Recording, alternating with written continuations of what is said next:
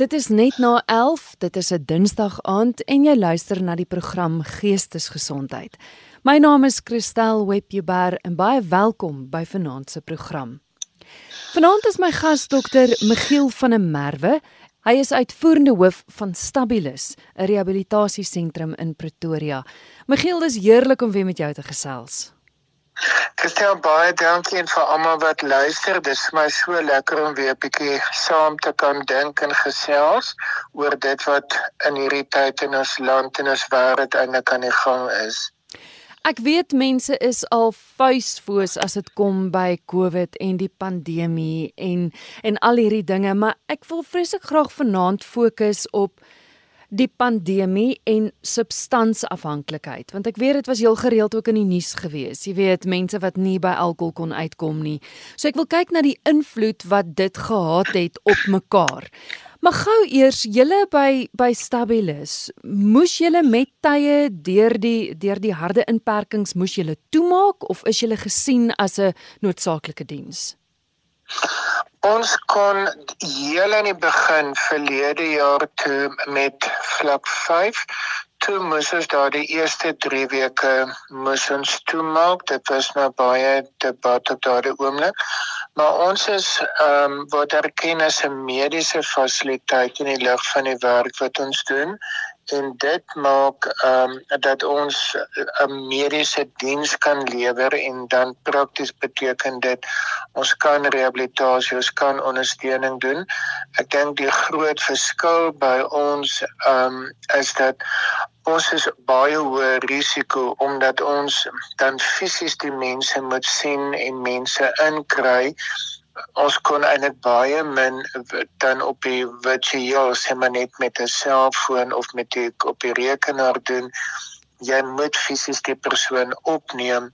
So ja aan die een kant positief ons kon aangaan maar aan die ander kant baie hoë risiko en spanning op ons mense. Want gou weer eh, net om die luisteraars te herinner Julle is 'n rehabilitasiesentrum wat spesifiek fokus op substansafhanklikheid, is ek reg?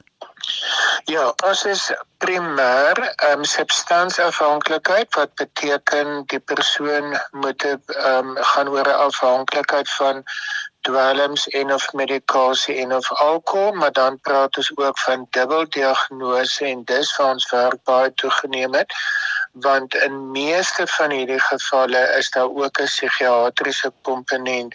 Die persoon gebruik een of ander substansie juis as gevolg van 'n onderliggende psigiatriese probleem of natuurlik omgekeerd maar in hierdie geval van van COVID het dit dan dikwels gebeur die persoon het hierdie goed gebruik die substansie en dan het dit um uitgeloop op een of ander psigiatriese komponent soos depressie of angstigheid um een of ander gemoedstoring so iets. Ja, ons gaan juist nou kyk hoe hoe dit julle werk en eintlik die hele gemeenskap beïnvloed het. Hoe dit daar by julle werk is, 'n ou moet by julle bly. Julle het nie dagpasiënte nie of of hoe werk dit? Nee. Ehm um, primêr ehm um, neem ons mense op die ehm um, almal ouer as 18 neem ons op. Hulle moet minstens 'n detox program by ons doen wat dan op na 14 dae is en en ehm um, dan daarna kan hulle uitgaan die opvolgbesoeke kan ons kon ons dan nou by van die kere kon ons dit dan net virtueel gedoen het. Maar die persoon word opgeneem en dit was deel van die beperking met die skoolkinders wat ons 'n buitepasiëntprogramme die onder 18s op vlak 4 en 5 was ons glad nie toegelaat om dan mense te kan net in en uitkom nie want die risiko is te hoog. So dit, was die een beperking, maar dis beter en ons het agtergekom die mense is onmiddellik hier so rustig en veilig en hulle kan eintlik meer ontspan en fokus op dit wat in hulle lewens aan die gang is. Nou buite nou die buitepasiënte wat wat bietjie ingeperk is, hoe moes julle as stabilis aanpas by by die nuwe normaal soos almal sê? Want ek meen, jy sê julle is 'n hoë risiko. So hoe werk dinge nou ja. nou anders by julle? die dat die hele paar veranderings gekom in die verlede kon ons mense wel soos in 'n hospitaal kon besoekers toegelaat word dit moes ons dan nou stalk en ehm um, besoekers kan nie inkom nie want die risiko is te hoog daarvoor. Dan in die kliniek self ehm um, is dit die sanitering, die ehm um, skoonmaak, dis baie belangrik. Al ons ehm um, lokale, ons deure, ons kantore, ons moet elke dag, elke oggend vroeg op 'n spesiale manier steeds skoon gemaak voordat ons kan seker maak dit is veilig. Die sosiale afstand is nog 'n groter was 'n groot probleem. Ons kon net van ons groter lokale gebruik sodat mense ver genoeg van mekaar af kan sit. Akkommodasie vir baie mense was dit 'n voordeel. Elkeen is dan net in 'n eie kamer. Ons sit glad nie twee persone saam in 'n selfde kamer nie dat ons dit kan doen. En dan natuurlik die ehm um, liggaamstemperatuur wat elke dag gemeet moet word en monitering. Baie groot risiko is die oog met opname ehm um, by baie hospitale word vereis dat 'n persoon eers 'n COVID toets moet doen. In ons geval is dit nie verpligtend nie. Ons doen wel ehm um, verbale um, toets wat hulle mense vra, hulle moet invul en wat is nou simptome kyk. En die hele dilemma rondom dit is ons het byvoorbeeld mense 'n persoon gehad wat die vorige dag het hy 'n COVID toets gedoen en negatief getoets maar hy het die nag en die volgende oggend by vriende gaan kuier wat COVID positief is en toe ingekom na ons. Mm. So dit wys net hoe hoog die risiko is en dit maak dat ons met baie van ons mense dan ehm um, wat ons hulle eers nie kon opneem nie en of ons moet hulle eers in isolasie plaas sodat ons 'n toets kan 'n COVID toets kan laat doen om dan seker te maak of hulle kan inskakel. So ons moet se hele en dan um, ons het 'n um, gimnasium in ons gebou en ons het buite aktiwiteite wat ons doen. Verskeie van hierdie aktiwiteite moes ons ook op vlak 4 en 5 was ons nie toegelaat om dit te doen nie want dis fisiese kontak. So ons moes bietjie aan die program verander, beperkings op besoekers, die afstand, die simptome, die opname. Ja, daar's 'n hele klompie um, inperkings wat ons gehad het. Michiel, hoe het die landskap van substansgebruik verander sedert die pandemie? Het dit? Ja, weet jy dit het vir baie verander. Ehm um, aan die een kant spot ek as ek sê ek sê die regering kry baie reg want ehm um, as daar 'n algemene verbod op die verkoop van alkohol is aan die een kant het ons dit onmiddellik in ons getalle gesien. Ons het gedink mense gaan in die tyd wat hulle van die huis af moet werk of nie kan werk toe gaan nie en dat daar nie alkohol is nie, dat hulle gaan kom vir behandeling wat glad nie die geval was nie. So op dié manier het ons minder gekry, maar die geweldige toename is die skuif na dwelms toe ehm um, amptelike statistiek van die wêreldgesondheidsorganisasie wys dat omtrent 70% van jou mense het oorgegaan na byvoorbeeld ehm um, dagga gebruik toe. Omdat jy nie kan alkohol kry nie gaan jy oor na dwelm toe.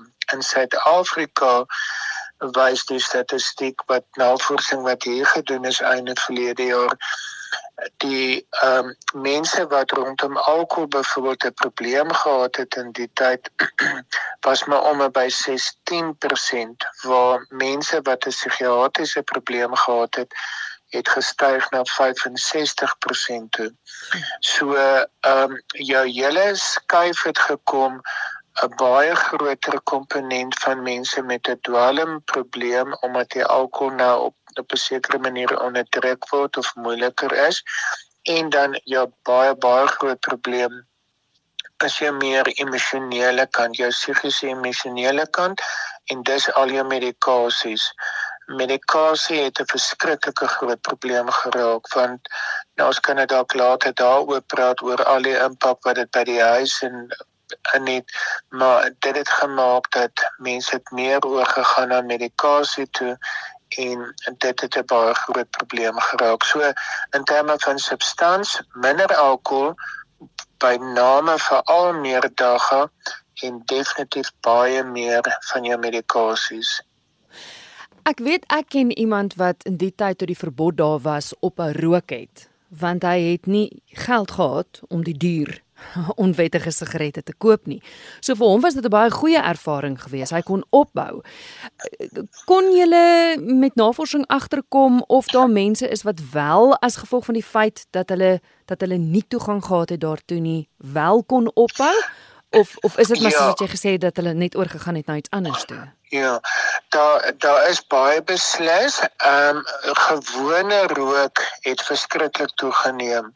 Dit wys die statistiek. Mense het makliker sigarette in die hande gekry al was daar ook verbodene vir tyd lank verbod op dit as wat hulle alkohol kon kry en dan eh, die ander amptelike statistiek van die wêreldorganisasie wys dat um, omtrent 21% van die mense het minder dwalings begin gebruik. So daar's definitief 'n voordeel in dit. Maar omgekeerd het 43% meer dwalings begin gebruik. So hy slaan aan beide kante toe. 21% minder, 43% het meer begin gebruik en ehm um, die oor oordosering die dit dit dit het verskriklik toegeneem 39%. So want wat hier dan jou tendens is, nou kan die persoon dit nie meer dalk sy substansie so gereeld gebruik nie. Jy dink jou liggaam is nog gewoond aan 'n bepaalde hoeveelheid en as jy dan skielik kry en jy wil ek wil amper sê inhaal of selfs net na jou ou voorraad toe gaan, is jou liggaam nie meer gewoond daaraan nie en dan het dit 'n baie negatiewe en slegte implikasie.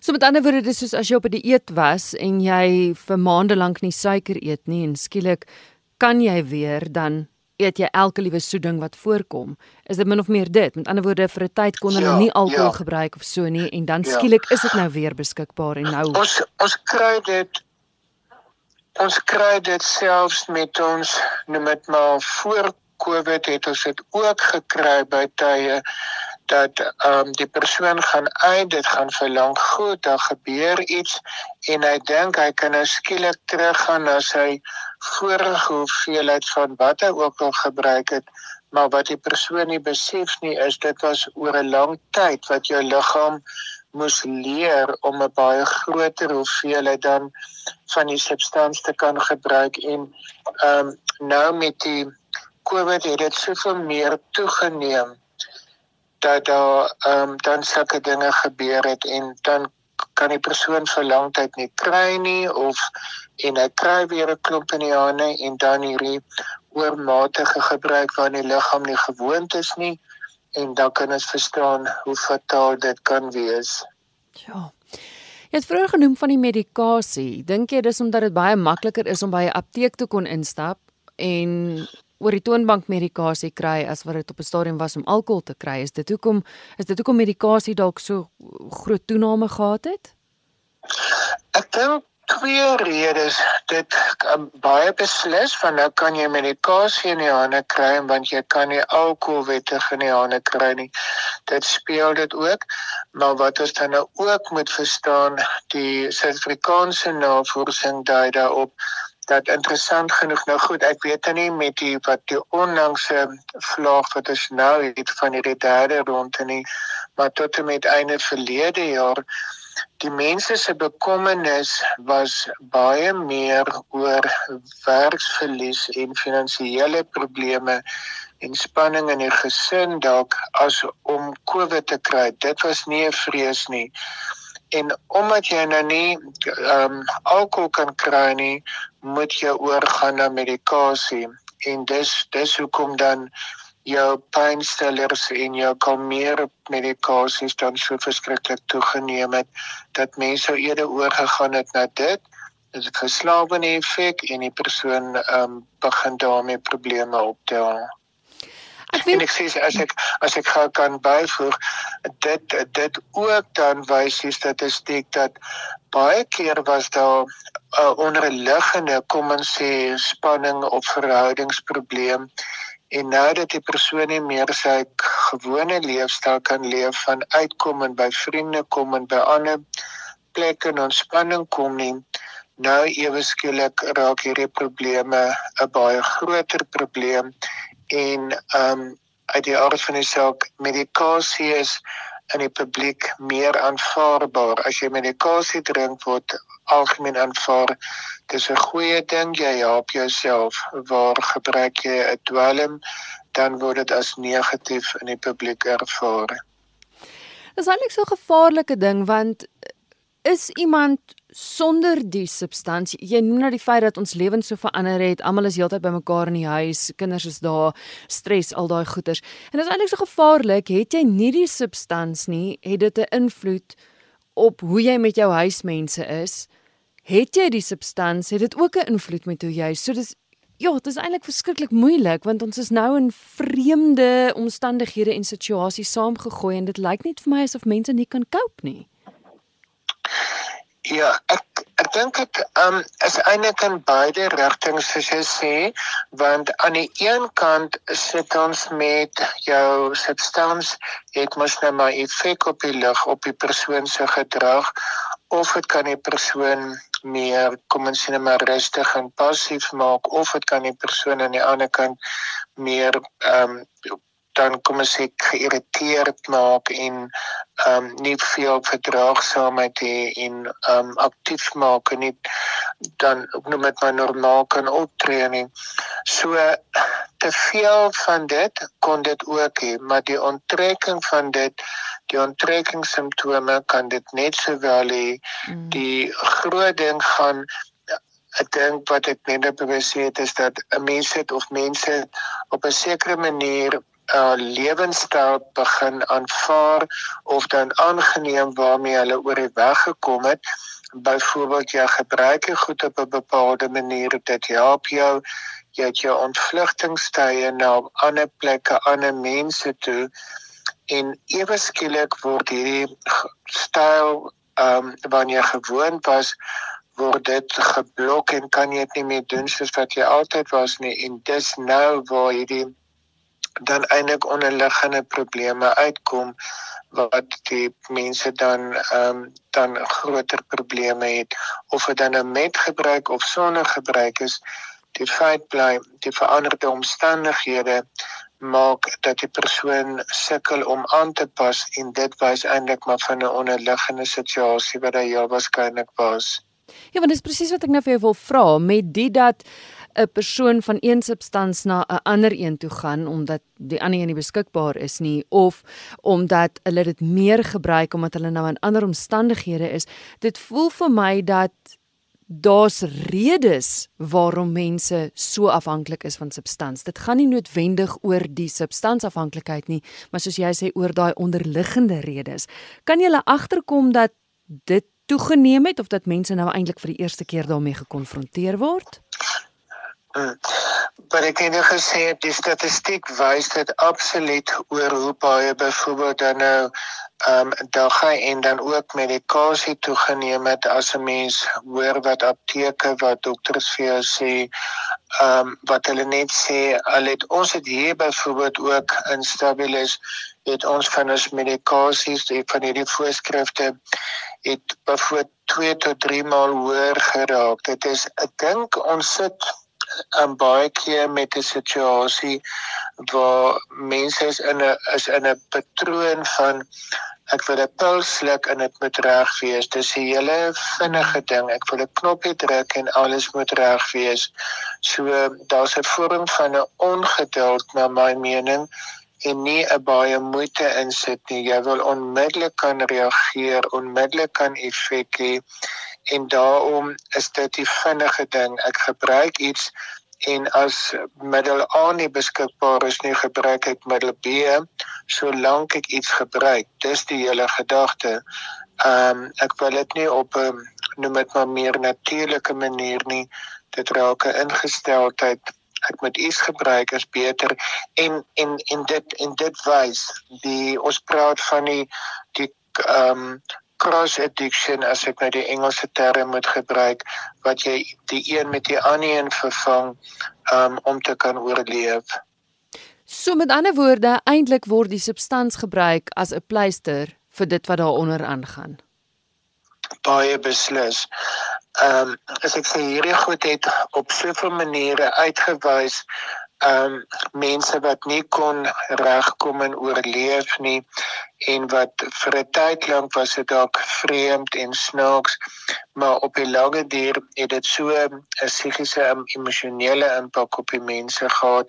En natuurlik ons weet nou ook finansiëel hoe vir mense wat werk verloor het en ja onsekerheid wat by alles was en dit dinge selfs hier by ons by Stabilis ek bedoel ons hoor daar gaan vanaand weer gepraat word en jy weet nie wat afgekondig gaan word nie. Jy weet nie wat die nuwe reëlings gaan wees nie. So dis verskriklik onvoorspelbaar en die hele vraag het nou net gekom oor ehm um, wat wat kan 'n mens doen en dan eintlik psigies jou die gesondheid waaroor hierdie program gaan hoe gesond in die wyeer konteks is 'n persoon regtig om dan hierdie vreemde toestande te kan hanteer en te kan verwerk. As dit verwerk word. Verdwaai, ek wil sê verdwaai nie, maar maar uit die aard van die saak dan word die substansafhanklikheid ook minder. Deur die jare het julle dit gevind, word daai onderliggende probleem aangespreek, dan verdwyn die substansafhanklikheid. Is dit so? Ek dis die dis die fokus van Stabilis as ek nou ons benadering mag noem, want dit is wat ek baie keer op 'n 'n sekere konteks sê dis vir my amper ek gebruik die woord wreed om net 'n substans weg te neem van 'n persoon. Hmm. want onthou maak dit saak of dit nou 'n goeie of 'n slegte ding is nie die feit is die persoon gebruik wat dan ook al om te kan oorleef om te kan funksioneer en te kan aangaan. So vir my is dit baie belangrik jy vat nie net iets weg nie jy sit iets in die plek daarvan en daarmee bedoel ek 'n gesonde leefstyl. Ehm um, deur net iets weg te neem, ja, dis reg, dan is die persoon rustiger dalk, maar een of ander tyd as daar nie 'n plaasvervanging gaan inkom nie, dan ehm um, gaan dit heel waarskynlik boomerang terugskiet na dit wat die persoon gedoen het. As ek een persoon wat nou onlangs by ons was kan noem, hy teruggekom en vir ons kom sê hy sê vir ons en dit was vir my so belangrik hy sê ek kan nie dink waar ek nog tyd gekry om te drink nie. Ek het nou so baie ander goed wat ek doen. Dit hou my so besig dit gee vir my soveel lewensvreugde. Dit is so lekker hierdie nuwe manier het wat ek leef en dit is wat ek bedoel. Deur net te dink weg te vat dan kom daar 'n gaping in daai persoon se lewe. As jy dit nie gaan vervang met 'n gesonde lewenstyl en met nuwe dinge wat jy gaan insit nie. Baie mense wat by ons ehm um, is of dan was, hulle sou byvoorbeeld sê hoeveel meer dinge hulle nou beplan om saam met hulle gesin te doen, hoe hulle ander werk, ander ontspanningsaktiwiteite goed gaan doen. Dis die hele gedagte. Ehm um, waar jy in die verlede dalk iets gedrink het of ingespuit of geneem het om te kan ontspan, doen jy dit nou op 'n ander manier met 'n ander leefstyl. So nou ontspan jy op 'n baie meer fisies konkrete manier en dit het eintlik 'n selfde effek en dis waaroor dit gaan. So dat dit moontlik is, ja, dis die kern van ons besigheid. Ons het baie hoë sukses, maar dis nou my mening te geheim. Baie mense wil as ek dink hoe vir mense by ons kom en sê toets net die persoon as die persoon op die oomblik skoon toets beteken dit die probleem is opgelos Nee, nie noodwendig nie sê ek, want dit hang af of dit 'n leefstyl is. Dis vir my waaroor dit gaan. Jy luister na Geestesgesondheid. My naam is Christel Webber en vanaand gesels ons oor die pandemie en substansafhanklikheid. My gas is dokter Michiel van der Merwe. Hy's uitvoerende hoof van Stabilis in Pretoria. Michiel, kom ons gesels gou oor 'n tipiese opname. As iemand by julle opgeneem word wat 'n onderliggende psigiatriese probleem het en dan nou die substansafhanklikheid. Wie is die groep mense wat saam met daardie persoon werk? Uit die aard van die saak is dit meer as een ding wat nou aangespreek moet word. Hoe werk dit ja. dan? Ons werk met 'n baie spesifieke ehm um, patroon volgorde as ek die woord kan gebruik. Ek dink wat is nou heel eers gesê het natuurlik in die huidige konteks moet ons kyk dat die persoon in terme van COVID ehm um, veilig skoon is dat ons nie mense kan beïnvloed nie. Maar dan baie belangrik hier beleef ons dikwels 'n ongeduld by die mense want byvoorbeeld die persoon is angstig of baie depressief of natuurlik um, selfdoodneigings kry is verskriklik baie op hierdie stadium. So die eerste reaksie is ehm um, gee vir die persoon 'n pilletjie, gee vir die persoon 'n inspuiting dat alles beter raak. Maar wat ons doen, ons afhangende natuurlik toets as die persoon is die persoon inkom om te sien wat is onderliggend dat 'n mens kan hoor afgesien van wat 'n persoon en of dan die familie vir ons mondelings gegee het wat kry ons fisies in terme van eh, ehm uh, um, dwelms en dan alkom dit neem ons onmiddellik weg indien nodig afhangende van die groter algemene gesondheidstoestand van die persoon en risiko's um 'n liggaam kan bepaalde reaksies toon byvoorbeeld sê my uh, is erg soos 'n epileptiese aanval as gevolg van die goedse gebruik dan sorg ons dat ons elke dag met opname dat ons dan voorkomend medikasie kan kry om die persoon rustig te kry om dan die um cravings um dan wat die persoon kan hê dan te kan onderdruk en te kan beheer. So dis in terme van dwelms en dan alkohol. Medikasie is baie moeiliker want baie mense um het na ons mening wel byvoorbeeld psigiatriese kroniese medikasie nodig. In so 'n geval afhangende van die tipe medikasie wat die persoon gebruik sal ons ehm um, van die medikasie stelselmatig wegneem as dit 'n verslawende effek het na ons mening. En dan hang dit weer eens af ehm um, of ons dit dan met 'n ander veilige medikasie gaan vervang waar 'n persoon hopelik dan nou nie gaan verslaaf raak nie. En hier moet ek sê kry ons dit baie dat die persoon was gewoon sê maar aan 'n bepaalde hoeveelheid slaappille wat die persoon in die aand moet drink.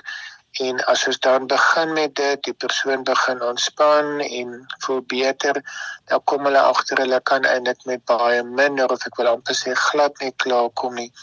Eers wanneer die persoon gedetox is met ander woorde hierdie aanvanklike dwelm en dan alkohol is uit die liggaam uit dan kom die psigiatriese komponent in want ehm um, sê maar weer eens angstigheid, depressie, enige van hierdie goed dit kan 'n natuurlike iets in die persoonlikheid en die gedrag van die persoon wees, maar dit kan ook 'n effek wees as gevolg van wat die persoon gebruik.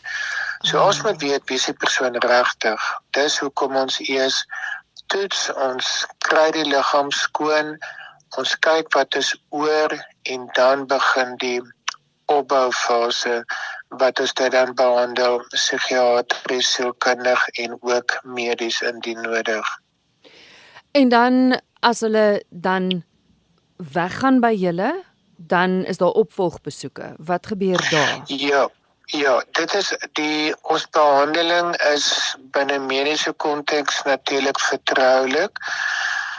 So die persoon wat opgeneem word, het die reg om te sê wat en aan wie mag inligting bekend gemaak gaan word. Persoonlik is ek baie erg daaroor ons praat van die sogenaamde familiesessies, terugvoer sessies. Ehm um, dis ons eerste fase nog terwyl die persoon hier is dat ons aan die persoon se naby mense kan terugvoer gee Want 'n familie kan op 'n bepaalde manier optree met goeie bedoelings, maar dit mag dalk hierdie persoon irriteer of kwaad maak of sê die mense verstaan hulle en gee nie om nie. So ons nommer 1 is om aan die familie wenke te gee hoe om die persoon verder dan te ondersteun en dan ook uh, waarop hulle moet let, waarmee moet hulle streng wees, waarvoor moet hulle ruimte gee om met hulle optree. Dan het ons um, ook individuele opvolgsessies want is natuurlik hier sit maklik op 'n sekere manier want jy weet jy is in 'n beskermde omgewing so mense mag nou nie te lelik en moeilik met jou wees nie en jy's in 'n rustige aangename omgewing want daar's nie 'n klomp huislike verantwoordelikhede verpligting of werksverpligting nie. So jy's eintlik baie grootliks ontspanne. Nou as jy by die huis kom kom al hierdie dag tot dag se irritasies weer by en hoe gaan die persoon dan reageer. So daarom het ons dan 'n hele paar individuele opvolgsessies wat ons alles gratis aanbied net om met die persoon op te volg um oor hoe gaan dit nou regtig en waarmee kom die persoon reg waarmee sukkel die persoon Maar dan het ons ook nog 'n derde fase van 'n lewenslange weeklikse groep opvolgsessies en dis vir ons baie belangrik want hierdie mense verstaan mekaar. Hulle praat mekaar se taal. Hulle kan met mekaar deel en dit gee vir hierdie mense moed en selfvertroue as hulle bietjie met mekaar kan deel. Weet jy, ek is nie alleen wat 'n bepaalde probleem of uitdaging het nie en dit laat jou goed voel as jy deur 'n bepaalde moeilike tyd gegaan het en nou kan jy bietjie met mense vertel. Weet jy ek het die hierdie uitdaging so en so hanteer en ek kom reg. So dan doen dit so dis baie belangrik. Ek kan nie net kyk na die binnepasiënt opname nie hierdie nasorg die familie die individueel en die groep is nou my mening krities belangrik om te kan verseker dat die persoon wel op 'n positiewe en gesonde pad bly. Ja, dis dis goed jy noem nou van die week die weeklikse sessie, die die groepsessie, want my vraag aan jou was, op watter punt bepaal jy die persoon is eerstens reg om om uit die rehabilitasiesentrum uit te gaan want daar kan seker nie 'n spesifieke dag aan elke persoon gekoppel word nie. Elkeen verskil. En dan ook wanneer na die individuele sessies en goed wanneer bepaal jy 'n persoon is gesond? Ehm um, ek wat die ekonomie 1 word ons baie dan kom ons sê dit is riglyne in terme van wat bepaal word wat is minimum tydperke wat 'n persoon moet bly in terme van arbeidswetgewing dat 'n persoon dat dit kan geld as 'n net 'n detox program of dan 'n volwaardige rehabilitasieprogram. Ehm um, nommer 1 mense is geneig om te gaan kyk na die tydperk. Tydperk is natuurlik is daar minimum en maksimum maar dit gaan nie net vir my oor hoe lank 'n persoon in 'n bepaalde inrigting is nie. Dit gaan ook vir my oor wat daar gebeur. Mm. By party plekke ehm um, is 'n persoon eintlik baie af en los op sy eie of haar eie en ehm um, het 'n baie meer net algemene dagtake wat hulle doen.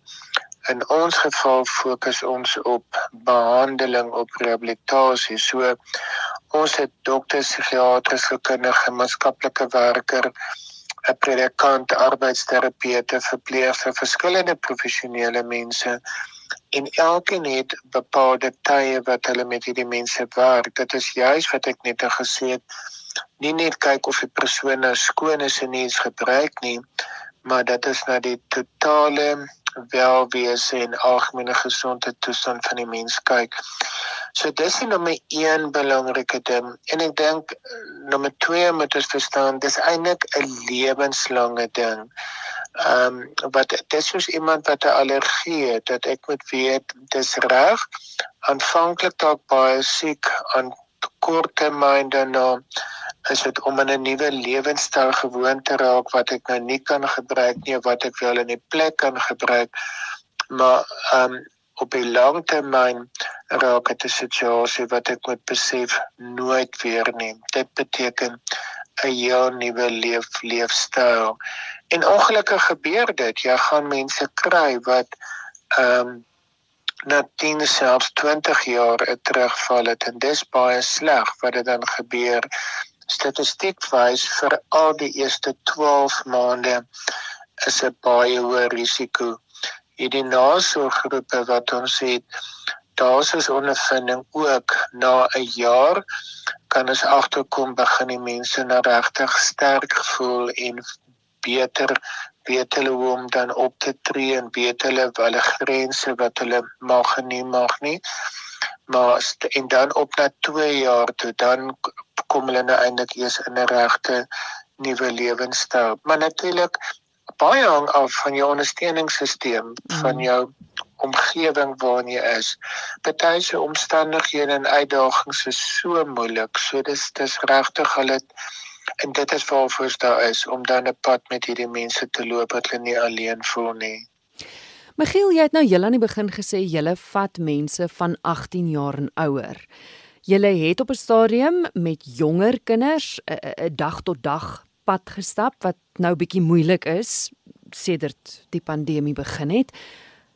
Wie wie stap nou die pad met die kinders? Want ek wil eintlik al sê is hulle nie nou vergeete nie omdat hulle nie eintlik toegang het tot die hulp wat jy kan bied nie en het het hulle situasie nie ook erger geraak nie? Is is substansafhanklikheid nie dalk by hulle ook erger nie?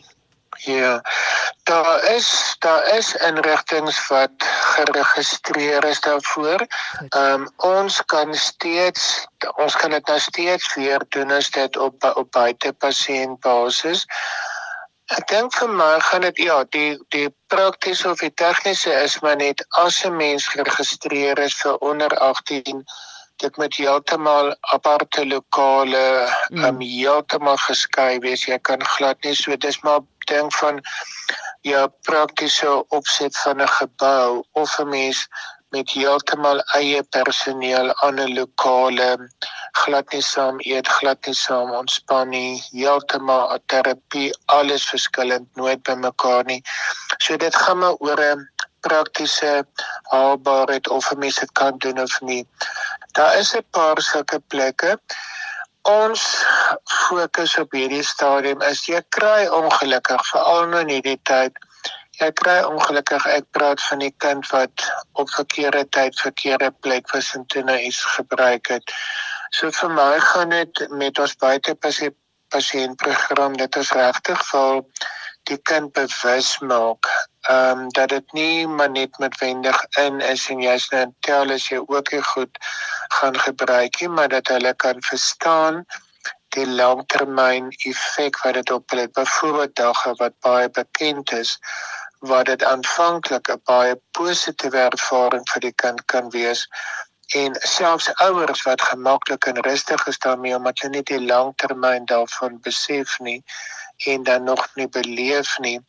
En ehm um, dat 'n mens ook 'n kind kan leer maar ehm um, juis met die want ons kinders het verskriklike uitdagings. Dit is absoluut waar dat 'n mens vir hulle kan leer daar's ander maniere as om 'n vinnige ietsie te drink, te rook en te spuit hoe ook al om jou uitdagings en probleme te hanteer. So baie van ons kinders en dit is my wonderlik dat mense hulle baie vinnig optel die pad met hulle loop en hulle oë gaan oop waarmee hulle besig is en hulle is op die regte pad. Ongelukkig is daar jou kinders wat ehm um, nie regkom net met so noem dit maar meer bewusmakingsprogram nie en hulle het 'n opname nodig en daar is 'n paar plekke daarvoor. Luisteraars kan solank 'n pen en papier byderhand kry. Ons gaan nou die kontakbesonderhede gee vir Stabilis. Sou jy self of 'n geliefde van jou 'n substansafhanklikheidsprobleem het, maar ek wil gou vra jou personeel. Ja, Michiel in die tyd Hoe hou jy hulle hande hoog want nie net sit jy met mense wat by julle is se uitdagings nie maar dikwels sit die personeel nog met hulle eie uitdagings met hulle eie probleme. Ja. Hoe hoe hou mens hulle hande hoog? Vir die ons personeel is dit regtig 'n baie groot uitdaging. Ehm um, nommer 1 is dit ons personeel wat uitgaan en eers by by hulle huise kom of ander plekke en 'n paar van ons personeellede het al positief getoets nie as gevolg van 'n kontak binne die kliniek nie maar buite en soveel van ons personeel moes ek al getoets word en is dan gelukkig negatief getoets op die einde. Maar dit het 'n baie groot impak op hulle. So nommer 1 lê ons baie klem daarop dat die mense genoeg rus moet kan kry en dat ons ehm um, vir hulle genoeg ontspanning kan gee dat ons kan saam praat, saam kuier, ehm um, ook net om met mekaar te kan deel oor wat in ons lewens aangaan. En dan moedig ek dit natuurlik aan oor 'n eie persoonlike ontspanningsstyl, leefstyl buite Ek sê net soos wat ons pasiënt moet leer om te dink, om te verstaan, ek doen nie alles noodwendig net met 'n pilletjie nie, maar ook met 'n gesonde leefstyl van ontspanning van ander buitebedrywighede waarby jy betrokke is gemeenskap dat dit vir jou net 'n ander fokus gee dat ontspan dat ons ook as personeel kan vir ons mense wys maar jy het 'n algemene gebalanseerde leefstyl nodig om te kan oorleef. En as ek sê kom ons erken dit dat 'n mens tye moeg raak, maar dat ons juis vir mekaar ruimte kan gee daarvoor en mekaar uithelp en ondersteun. Baie dankie vir die wonderlike werk wat julle doen. Hoe maak luisteraars as hulle met julle in verbinding wil tree? Hulle kan enige tyd ons kontak 24 uur per dag natuurlik um, op ons webbladsy dis www.stabilis.org.za op die hoofbladsy heel bo is daar 'n kontaknommer 'n noodnommer. Dis mm, baie keer my eie selfoonnommer so hulle kan my enige tyd daarby kontak. Daar's ook 'n kontakbladsy waarby hulle dan ons ander nommers kry en ook 'n e-pos kan stuur en ehm um, dit kom dan ook vertroulik na my toe sodat mense dit kan hanteer. Ek dink die groot belangrike is dat mense sal weet daar is hulp. Ons kan help. Ons het verskillende opsies van privaat van mediese fonds van subsidie hoe ons mense kan help en dis my groot doel. Ek dink terwyl ons mense kan help, ons lewensdoel is jou lewensvreugde, dis ons mikpunt en dis as ons mense weer 'n nuwe blydskap, 'n nuwe hoop, 'n nuwe lig sien in die donker toekoms, dan seker dit ons ons doel bereik. My gas in vanaand se geestesgesondheid is dokter Michiel van der Merwe. Hy is die uitvoerende hoof by Stabilis, 'n rehabilitasiesentrum in Pretoria. Gou weer hulle webwerfadres www.stabilis.org.za. Ek spel gou Stabilis vir jou. Dis S T A B kolletjie I L kolletjie I S. So dis www.stabilis.org.za. Terloops, Stabilis beteken standvastigheid. Soos Michiel gesê het, jy's welkom, maak 'n draai op die webwerf. Daar's altyd 'n noodnommer beskikbaar en jy's meer as welkom om daardie nommer te skakel. Tot ek en jy weer saamkuier, mag dit goed gaan met jou en jou hartsmense.